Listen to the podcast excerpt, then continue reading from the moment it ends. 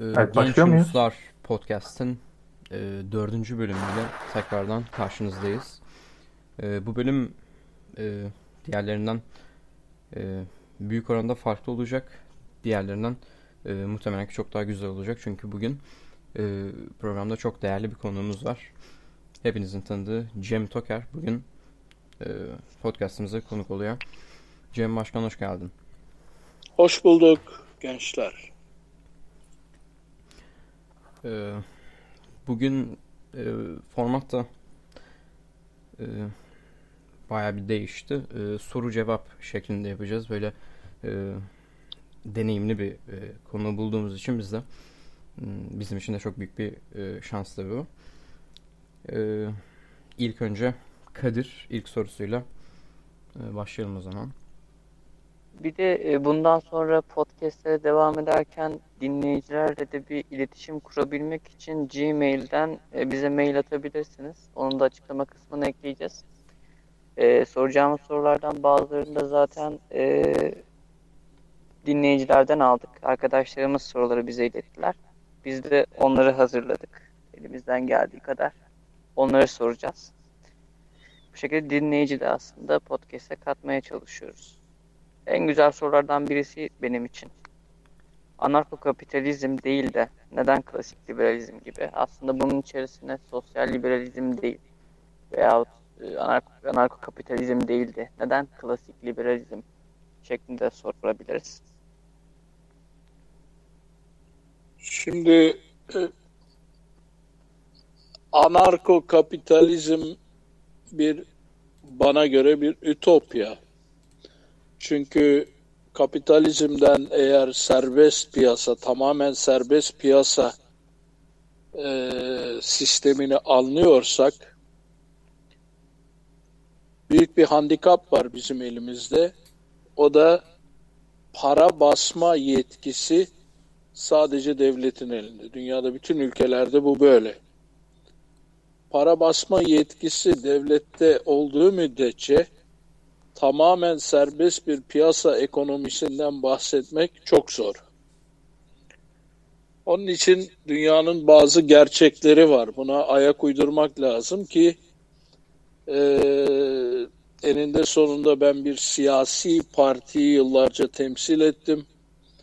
E, bugün de o partinin üyesiyim. Eninde sonunda vatandaştan oy almak lazım ki meclise girip kanunlar yapılırken katkıda bulun veya millet sana ülkenin yönetimini verirse ülkeyi yönet diye. Bunun için ayağa basan, fazla ütopyaya kaçmayan, daha gerçekçi siyaset geliştirmek zorundasın. Yani dershanede bir teori üzerine tartışmak ayrı ama bu işin 80 milyonluk böyle bir coğrafyada, ülkede uygulamaya koyulması e, apayrı bir şey.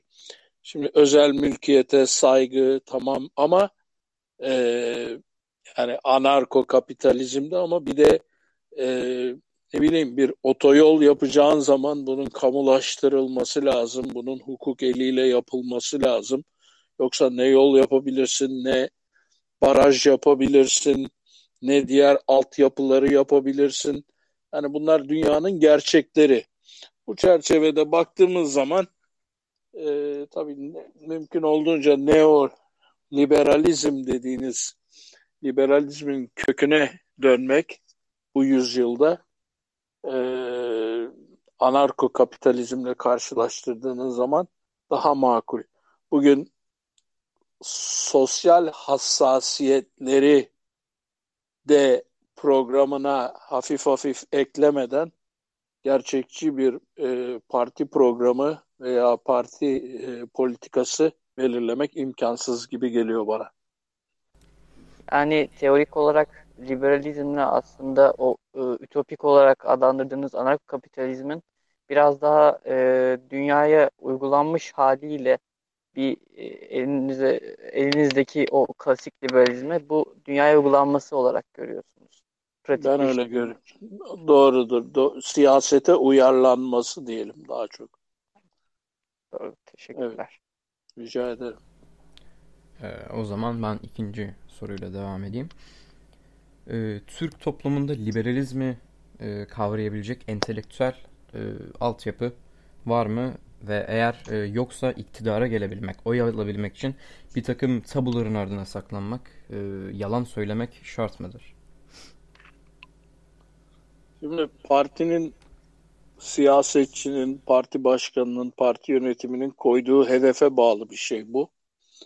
Ee, Türkiye'de bir entele, entelektüel bir kesim bunu anlayacak kapasitede var mıdır, dünyada var mıdır diye bakmak lazım. Çünkü dünyanın hiçbir yerinde e, klasik liberal demokrat değerleri savunarak e, fazla siyasette yol kat etmiş, ülke yönetimini teslim almış, sandıktan çıkmış bir parti kolay kolay göremiyorsunuz.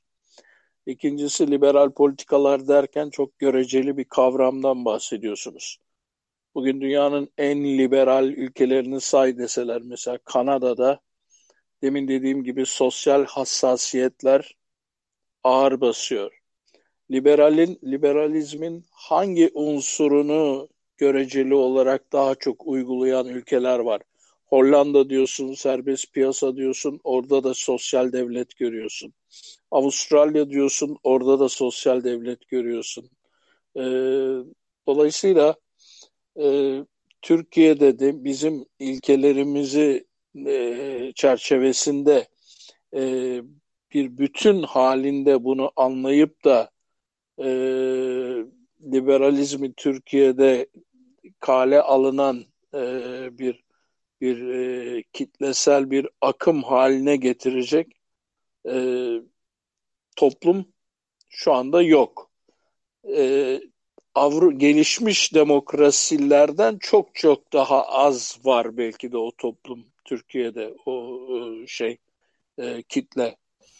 Bu, bunun nedeni birazı coğrafya, birazı tarih, birazı devlet baba kültürü, birazı dini gerekçeler, birazı gelenek görenek, birazı bu coğrafyaya aydınlanmanın uğramamış olması, sanata değer verilmemesi, bir rönesans geçirilmemiş olması. Onun için diğer gelişmiş demokrasilere oranla Türkiye'de e, liberalizmin geleceği parlaktır diyebilmek çok daha zor. E, o zaman bu Evet. haliyle ya, tam anlamıyla e, Türkiye'de liberalizme ulaşmak e, birazcık ütopya e, ve eğer ulaşılacaksa da bir takım şeylerden feragat etmek gerekiyor. Şimdi görecelik bakmak lazım. Yani bu liberalizm bıçakla kesilmiş gibi bir şey değil.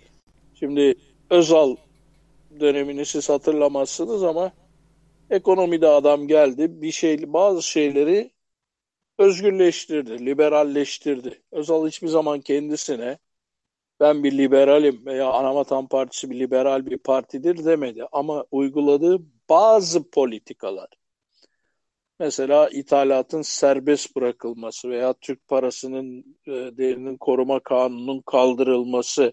Yani daha çok ekonomik konularda e, bazı özgürleştirme, liberalleştirme yaptı. Ama sosyal alanda, hukuk alanında, ne bileyim ifade özgürlüğünde, e, diğer hak ve özgürlüklerde fazla adım atmadı. Ama buna rağmen Anavatan Partisi A liberal politikalar yürüttü. Türkiye'yi liberalleştiren parti e, olarak anıldı. Şöyle bir yanlış algı var. Liberalizm dendiği zaman maalesef Türk toplumunda sadece ekonomi akla geliyor. Özelleştirme, serbestleştirme, işte o tür kavramlar akla geliyor. Halbuki benim yıllardır, 25 senedir vurguladığım şey liberal demokrasinin taşıyıcı kolunu hukuk devletidir. Hukuk olmadan liberalizm olmaz. Serbest piyasa olmaz. O çerçevede e, bakıyorum Türkiye'de liberalizmin geleceğine. Evet, üçüncü Ömer, soru e, bir saniye Ee, istersen ben tamam. ikinci sorumu sorayım çünkü konular bağlantılı olacak. tamam. E, konuşma da oraya doğru geldi ve hiç bölmeden o soruya geçelim. Şimdi e, çizdiğiniz bir tablo var liberalizmin Türkiye'deki geleceğiyle ilgili. Peki bu durumda e, liberaller, genç umutlar ya da bu partiye oy verenler Hatta LDP'nin kendisi ne yapabilir? Ne yapmalıdır size göre? Valla ben benim 12 yıllık genel başkanlık dönemimde ben hiçbir zaman e, toplumu da biraz hele hele sizin nesli bu işe hazırlayabilmek için hiçbir zaman ben LDP gümbür gümbür iktidara geliyor falan veya iktidar olacağız, Türkiye'yi yöneteceğiz falan demedim. Birinci adım, makul adım daima önce yasama organında temsil edilmektir liberaller tarafından.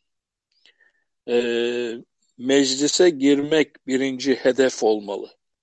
Ha, bunun için işte LDP'yi seçime sokarak barajı aşmak çok zor bir hedef. Ama şimdi ittifaklar var.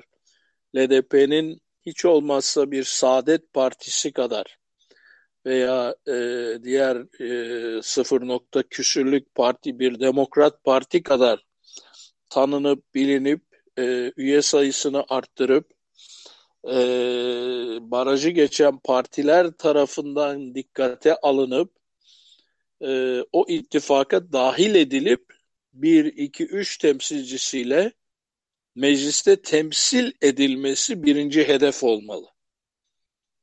Yani kanunlar yapılırken bir liberal o kürsüden meclise, millete hitap etmeli. Ee, bütçe yapılırken hitap etmeli. Devletin neden israfının azaltılması gerektiğini biz buralardan anlatıyoruz ama meclis kürsüsünden anlatabilmeli topluma. Bu şekilde bir hedef benim açımdan en makul hedeftir. Önce yasama erkinde e, mecliste liberallerin temsil edilmesi ki bu Cumhuriyet tarihinde henüz olmuş bir şey değildir. Evet, üçüncü soruyu ben sorayım. Ee, bu soru biraz da sizin karamsarlığınıza yönelik bir soru. Türkiye'de evet hayır seçimi ak e, akşamı mühürsüz oylar kabul edildi. Bunu biliyoruz. Fakat yine de bazı şahısların büyük bir eylem yapmadan önce halkın nabzını tutması, mecliste çoğunluğu sağlamak için başka bir partiyle birleşmeleri ve yapmaya çalıştıkları bir eyleme kanun uydurmaları veya kanunu farklı yorumlamaları en üstte yanlış şeyler yapılıyor olsa dahi bu yaptıklarının altında bir kanun çalış, çalışıyor olması bu durumlar üstte yanlış şeyler yapılıyorken aynı zamanda en altta ilkel bir demokrasinin çalıştığını göstermez mi? Eğer gösteriyorsa bu ilkel demokrasi bir umut olabilir mi? Soruyu doğru anladıysam burada şu mantık hatası var bence. Kanun devleti olmakla hukuk devleti olmak ayrı şeylerdir. Adolf Hitler'in de bir parlamentosu vardı ve kanunlar yapıyordu. Ama onlar evrensel hukuka uygun kanunlar mıydı? Değildi. Saddam'ın da bir meclisi vardı, kanunlar yapıyordu. Kuzey Kore'deki o guguk kuşunun da kafayı nedir ki Kim Jong-un ee, onun da bir parlamentosu var. Sözüm ona halkın seçtiği vekilleri var ve kanunlar yapılıyor. Ama bu bir ülkeyi hukuk devleti yapmaz. Benim karam, sizin e, bendeki e, bakış açısına karamsarlık dediğiniz şeye ben üzülerek gerçekçilik diyorum çünkü ülkenin gerçeği ortada. Anayasası rafa kalkmış, yargı bağımsızlığında dünya ülkeleri arasında diğerlerde sürünüyor. Avrupa İnsan Hakları Mahkemesi'nde her yıl başvuru, mahkumiyet ve tazminat şampiyonu. Ee, ülkeyi yöneten e, seçilmiş parti genel başkanı Cumhurbaşkanı sıfatıyla yargıya talimat verebiliyor. Onları seçebiliyor. Ee, sarayda toplantılara çağırabiliyor. Yargı, yüksek yargı temsilcilerine sarayda yemek verebiliyor. Böylesine bir sistemde ülke evet kanun devletidir ama hukuk devleti değildir. Tamamdır ben cevabımı aldım. Bir sonraki soruyu yine ben sorayım o zaman. Ee, Amerika Birleşik Devletleri'nin devletleri liberalizmin en yoğun yaşandığı ülkelerden birisi ve sağlık sistemi de liberal bir durumda. Bugünkü salgında çok büyük bir zorluk çekiyor bu sağlık sistemi yüzünden. Bu durum hakkında ne düşünüyorsunuz? Şimdi e, sağlık en meşakkatli konu. Çünkü insanlar tabii birinci içgüdü hayatta kalmak. Sağlık kadar önemli bir şey yok. Diğer e, içgüdülerin hepsinin üstünde geliyor. Ha, hayatta kalmak. Fakat sağlık e, insanoğlu tabii hem bunu istiyor ama kaynakları da sınırlı. E, ülkeler için sorulması, çözülmesi en zor konuların başında geliyor sağlık. E, neden pahalı bir sistem? Çünkü yeni bir ilacın piyasaya sürülmesi milyarlarca dolar para demek. Onun araştırması, deneklerinin bulunması, neticesinin ölçülmesi, keza bir e, tıbbi cihaz, bir MR, bir tomografinin piyasaya inovas icadı, inovasyonu, e, onay alınması, denenmesi, neticesinin görülmesi o kadar pahalı bir alan ki sağlık e, insanoğlu ama e, dediğim gibi en iyisini istiyor ama kaynaklar sınırlı. Amerika'da yapılan bir tercih meselesidir. Onların kültüründe e, mesela Obama Care'e gelen tepkilerin başında şu vardı. Devlet ilk defa ilk defa Amerikan tarihinde vatandaşa sen şunu satın almak zorundasın diye dayattı. Ve Amerika'da gelen tepki buydu. Almak istemiyorsam almak istemiyorum sağlık sigortasını. Sokakta ölmek istiyorsam ölürüm sana ne? Yani bu onların bizde nasıl devlet baba kültürü var. Orada da devlet gölge etme karışma benim hayatıma kültürü var. Ee, ikincisi tabii bir yanlış algı da var. Ben orada 25 yıl yaşadığım için şunu da vurgulamalıyım. Ben bazı şeyleri orada yaşayarak da öğrendim. Mesela ben size garanti ederim. Ee, herhangi bir nedenle hastaneye gittiğiniz zaman Amerika'da sigortanız yok diye sizi kapının önüne asla koyamazlar. Dün bir genci almamış hastane. Bu haber oldu. Bilmiyorum duydunuz mu? Koronalı bir genci sigortası yokmuş diye. Şimdi olayı takip edin. Milyonlarca dolar o gencin ailesine tazminat ödeyecek hastane. Çünkü ölümüne neden oldu almayarak. Hastaneye gittiğinizde size sorulan soru şudur. Fatura adresinizi alabilir miyiz? Sigortanız var mı? Yok. Peki. O zaman nasıl ödeyeceksiniz? Bana fatura edeceksiniz. Ben daha sonra ödeyeceğim. Ee, yani bilinmeyen pek çok yönü var bu sistemin. Bu bir toplumsal tercih meselesi. Vergilerimizi verelim ve genel sağlık sigortasıyla mı yaşayalım yoksa her koyun kendi bacağından asılsın mı meselesi. Amerika'nın tercihi bu. Kanada'nın hemen komşusu Kanada'nın ve Meksika'nın tercihleri daha farklı. Orada daha sosyal e, bir sağlık sistemi var. E, Amerika'nın iç siyasetinde de bu kavga veriliyor. Kim haklı, kim haksız, kim doğru, kim değil.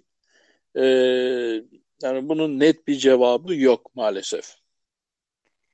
Yani e, şöyle toparlayayım ben soruyu. Daha iyi olur belki de. Liberalizm için sağlığı özelleştirmek sizce bir problem midir? Çözülmesi gereken bir durum mudur? Yoksa e, zaten kendi içinde hallolan bir olay mıdır? Ee, biraz yönlendirme gerekir. Şöyle ki mesela bizim de LDP'nin parti programında da bu var. Ee, sağlığı sağlık hizmetini devlet vermesin.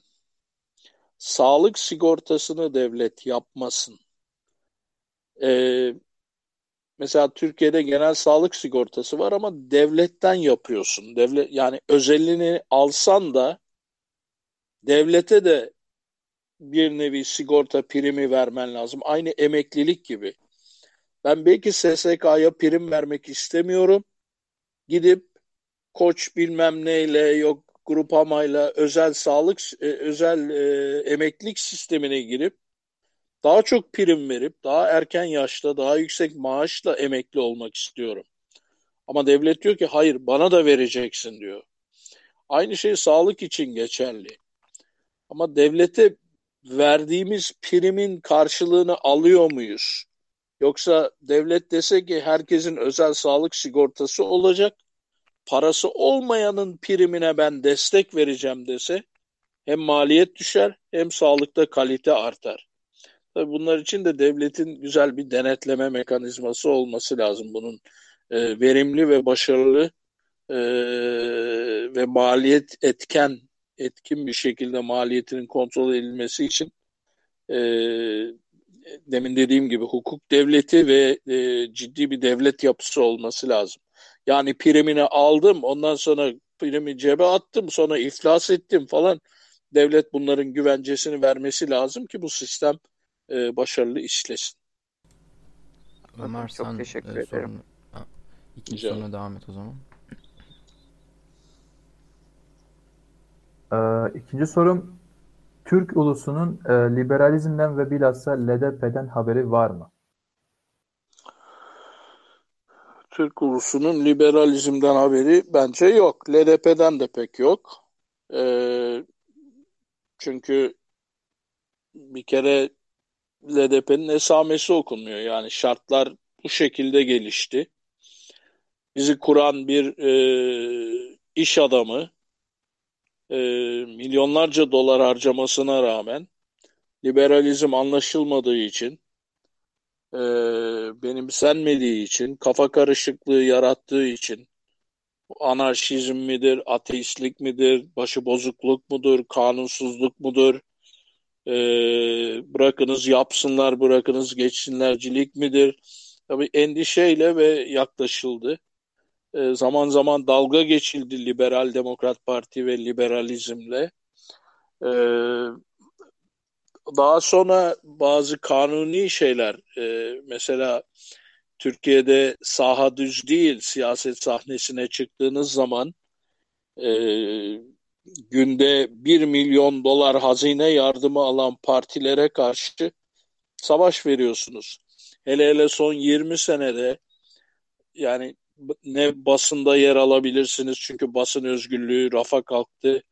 Ne bir e, belediyeden bir sokak panosu kiralayıp mesaj duyurabilirsiniz. Ne bir doğru dürüst broşür bastırıp dağıtabilirsiniz. Maddi imkansızlıklar, bürokrasi, yüzde on barajı, halkın siyasetten soğuması, gençlerin burası artık bir korku imparatorluğu oldu. Aman oğlum karışma siyasete. İş adamı bile aman bin lira veririm ama duyulursa mahvolurum onun için kusura bakmayın dediği ortamda siz e, eşit şartlarda adil rekabet ortamında siyaset yapmıyorsunuz. E, onun için hele hele bir de partinin içinde ne bileyim şimdi yeni parti kuruluyor. Herkes Babacan'ı tabii ki tanıyor. Eski bir siyasi Meral Akşener kuruyor. Tabii ki tanınıyor. E, ismi zaten marka. Davutoğlu zaten marka. Bunlar çok daha fazla yer alıyorlar ama LDP gibi Liberal Demokrat Parti'ye gelip de e, Aa, ben bu partideyim, partide siyaset yapacağım diyen e, markalaşmış bir siyasetçi de yok.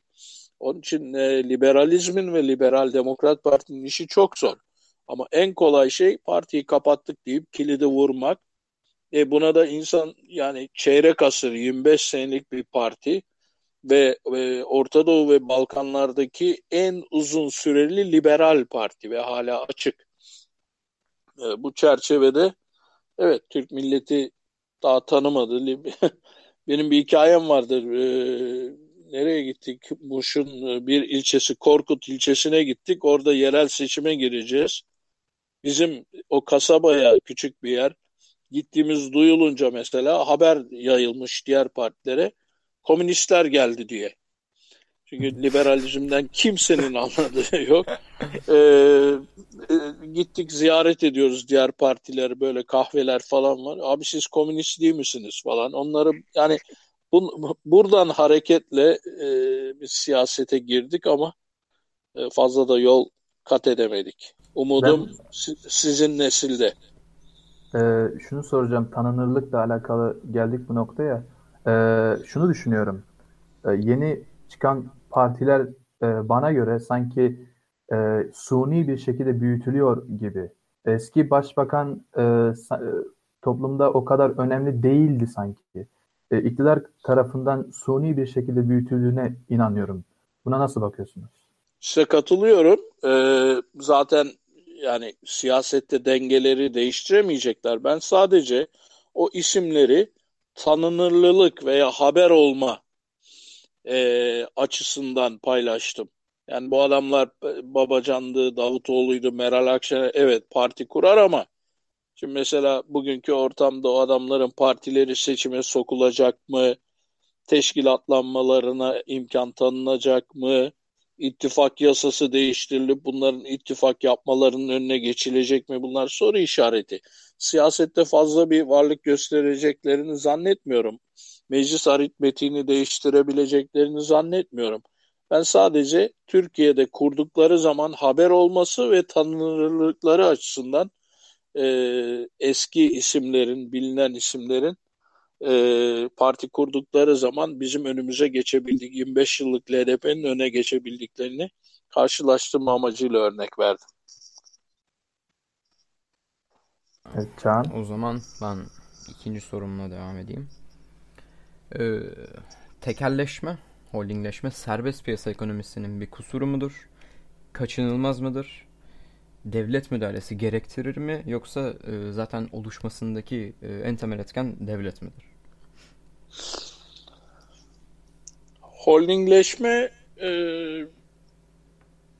serbest piyasanın evet e, bir kusuru değil unsurudur. Tekelleşme uzun sürmez. Tekelleşme e, tekelleşme fiyatları arttırdığı, kar marjını da arttırdığı için eğer piyasa serbestse zaten bu şirket amma para götürüyor ben de gireyim bu sektöre de oradan rekabet yaratayım denilir. E, zaman içinde tekelleşmeyi serbest piyasa kendi e, bünyesi içinde halledebilir. Yeter ki piyasaya giriş serbest olsun. Yani hukuk ve devlet e, devletin müdahalesi piyasaya girişi önlememeli. Bugün sarı taksi tekeli var ve ne çektiğimizi biliyoruz. Ama yerine Uber gelip girmek istiyor rekabet için veya benzeri e, alternatif taşımacılık. Buna da korsancılık falan diyorlar tabii şey yapmak için, kötülemek için. Ama devlet bunların piyasaya girmesine izin vermeyerek tekelleşmeye e, yol açıyor. Özelleştirmede de öyle. E, hep verdiğim bir örnektir. Deniz otobüsleri. Eskiden belediye tekeliydi. Onu şimdi özel sektör tekeli yaptılar. Ama rekabete açarak özelleştirmediler. Yani deniz otobüs İDO'nun 50 gemisini onar gemilik 5 filo haline getirip de özelleştirselerdi rekabet ortamında belki bu kadar pahalıya özelleştirmeyeceklerdi. Ama e, rekabetten millet faydalanacaktı. Tekerleşme en büyük soygun e, ama piyasa onu kendi içinde kendiliğinden çözer. En güzel örnek ben 25 senedir bu örneği veririm. Şehirler arası otobüs taşımacılığı. E, tekelleşemez. Çünkü piyasaya girişi serbesttir rekabet vardır, kalite vardır, dinamizm vardır. E, onun için e, serbest piyasada tekelleşme olmaz. Yeter ki devlet e, mani olmasın rekabete. Devletin e, piyasaya karışmadığı ve gerçekten serbest e, rekabetçi kapitalizmin uygulandığı yerlerde tekelleşme olmaz olursa da zararsızdır yani değil mi? Tekelleşme zaman içinde kaybolur. Çünkü demin dediğim gibi bir adam tekelleşiyorsa müthiş kar ediyordur özel sektörde. E, buna bazen şey yapıyorlar yani o kadar büyüyor ki hiçbir rakibi gelip de e, Amerika'da bunun örnekleri var. E, piyasaya giremiyor adamın büyüklüğünden dolayı. Adam her şeyi kontrol etmiş. E, kontrolü altına almış. O Ama zaman burada... yargı kararıyla e, müdahale ediliyor. Orada ha, bu doğru mudur yanlış? Rekabeti Buyur. engellemiyor mu? Yani. Efendim? Ee, ya Amerika'daki mesela durumdan örnek verdiniz. Orada e, bir miktar rekabeti engellemiyor mu? Büyük şirketlerin olması. İşte o, onu anlatıyorum. Onun üzerine rekabeti engellediği için e, hukuk devreye giriyor ve o büyük şirketin bölünmesini emrediyor. Ha. E, ha, bu doğru mu yanlış mı? E, bu zaman içinde Kaçınılmaz o şirket zaten piyasa o şirketi alaşağı edip de bölünmesine yol açar mı? Bu tartışılır. Ama bu olana kadar, piyasa tepki verene kadar mi- millet soyulmasın diye e, yargı ve hukuk devle- devreye giriyor. Orada da e, tekelleşmeye karşı kanunlar var. Bazı spesifik durumlarda devlet müdahalesi gerekebiliyor o zaman. E, tartışmaya açık bir konu. Evet, e, ge- gerekebiliyor dersin veya dersin ki ya bırak biraz devam etsin, müdahale etmesin devlet. Piyasa zaten bu tekeli alaşağı edecek, bölünmesine yol açacak diyebilirsin. Ama bunu savunuyorsan devletin piyasaya girişine hiçbir şekilde bir başka şirketin veya şirketlerin, aktörlerin piyasaya girişine müdahale etmesine izin vermeyeceksin. Tamamdır. Teşekkürler Çöpüç. Rica ederim. Şimdi e, Kaç dakikamız kaldı? ya, süre sınırı yok yani eğer e, daha devam etmek istiyorsanız arkadaşlardan daha gelen birkaç soru soru var da. varsa tamam Bir buyur. tane daha soru var. Cem Başkan senin için sıkıntı yoksa? Müsaitsin Yok, mi? iki soru daha yaparız. Tamam. Tamamdır. Aslında o kadar şey sorular değil, komplike sorular değil. Ee, birincisi kitap öneriniz var mı bize?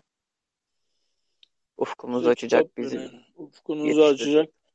Ya ben e, herkese şunu tavsiye ediyorum. Ya ben kendi okuduğum kitabı önermek yerine e, Liberal Düşünce Topluluğu'nun sitesinde kaynaklar ve referanslar var.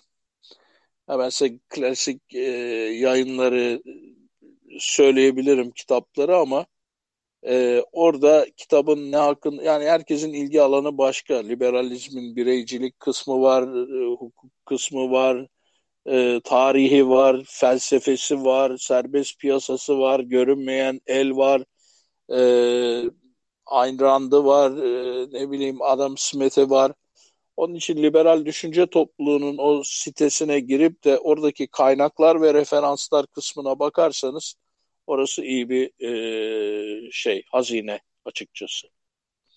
Tamamdır, teşekkür ederiz. Ee, son Rica soru birazcık daha spesifik. Aslında sizin fikrinizi merak ediyoruz bu konuda. Liberalizmin bu açıdan değerlendirilmesi de. Atatürk'ü koruma kanunu hakkında ne düşünüyorsunuz? Liberal bir kimse olarak buna nasıl bakıyorsunuz? Savunmuyorum. Savunmuyorum. Gereksiz bir kanun.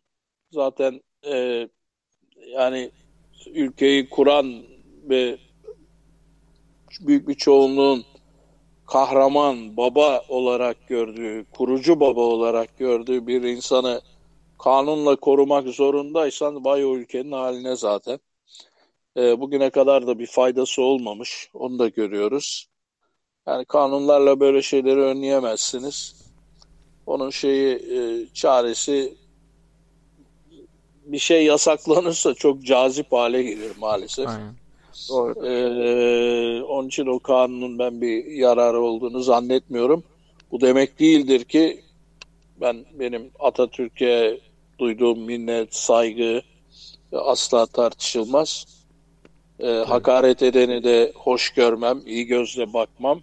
Ama böyle bir kanun gerekli olduğunu asla savunmam. Ya kanunun Ben- zaten varlığı e, ifade özgürlüğüne ters. Eğer e, varlığını gerektirecek durumlar olduysa da halka zaten yazıklar olsun. Öyle.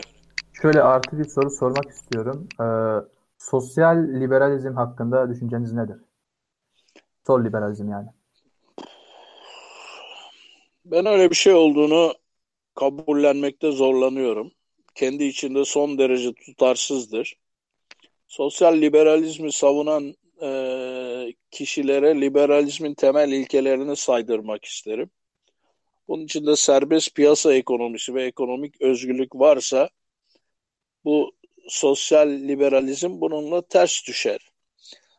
E, liberalizmin temel ilkesi eğer bireycilikse sosyal liberalizm yine bireycilik ilkesiyle de çok sıklıkla, büyük sıklıkla ters düşer. Onun için ben liberal demokrasinin, liberalizmin sağına soluna, yok muhafazakar liberalizm, yok sosyal liberalizm, o liberalizm, bu liberalizm. Ben öyle bir şey ek geleceğine e, pek şey yapmıyorum, savunmuyorum gelmesini.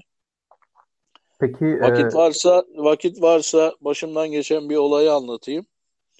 Ee, an vakit var mı? Tabii var var. Bir dakikada özetlerim. Yok. somut örnekti. Şey yaptık, e, uluslararası bu Liberal Internasyonel Kongresi'ndeyiz. Büyük bir konferans. Dünyadan bütün liberaller orada. Ee, liberalizmin ilkeleri olarak hukuk devleti yazmışlar. Piyasa ekonomisi yazmışlar. Ee, bir şey daha yazmışlardı. Ee, sorumluluk falan filan bunları listelemişler böyle şeyin sahnenin arkasına. Güzel konuşmalar yapılıyor falan. Ben de dedim ki bir şey sormak istiyorum. Bu liberal internasyonal değil de sosyalist internasyonal olsaydı arkadaki panoya hangi ilkeleri yazarlardı? Hukuk devleti yazarlar mıydı? Yazarlardı. Piyasa ekonomisi yazarlar mıydı? Yazarlardı.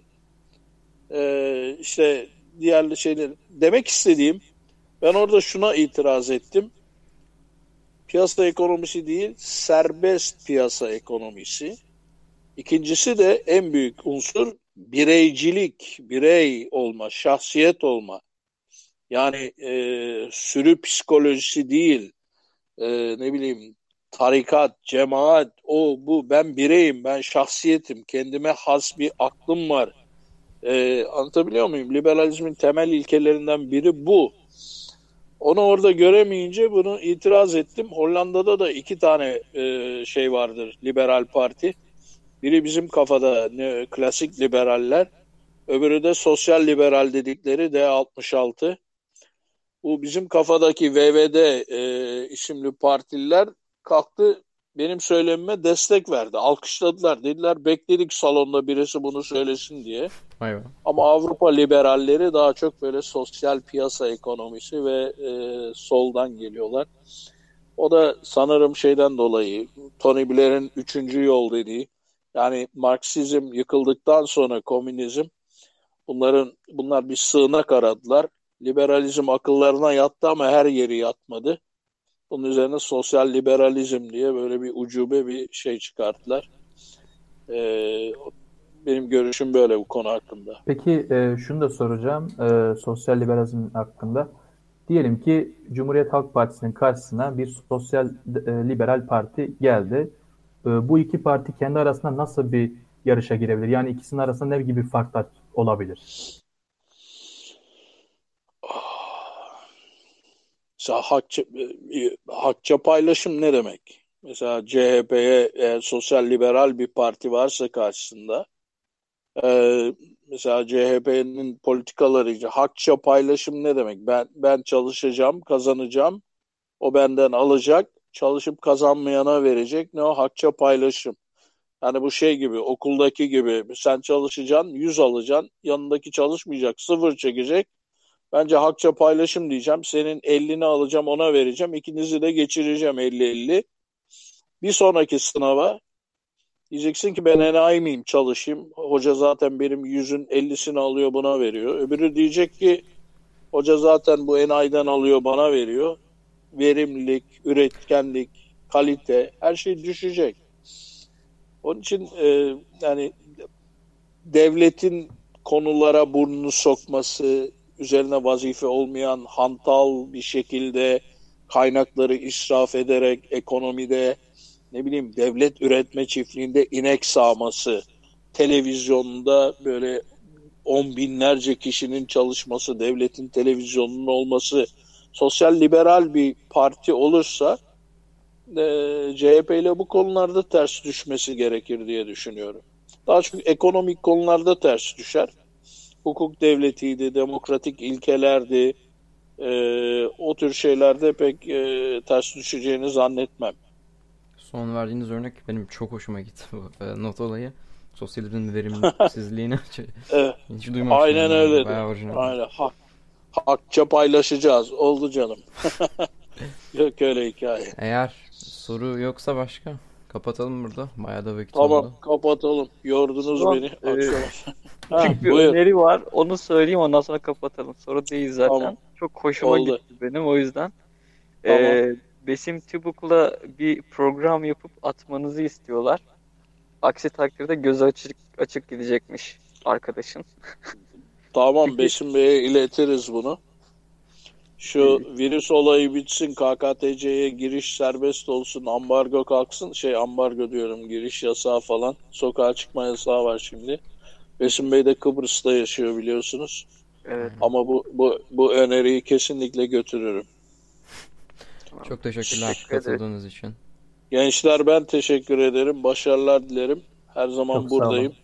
Ne zaman isterseniz yine sohbet ederiz. Çok teşekkürler. Ke- ke- kendinize iyi bakın. Başarılar dilerim. Siz Sağ olun, öyle. teşekkürler.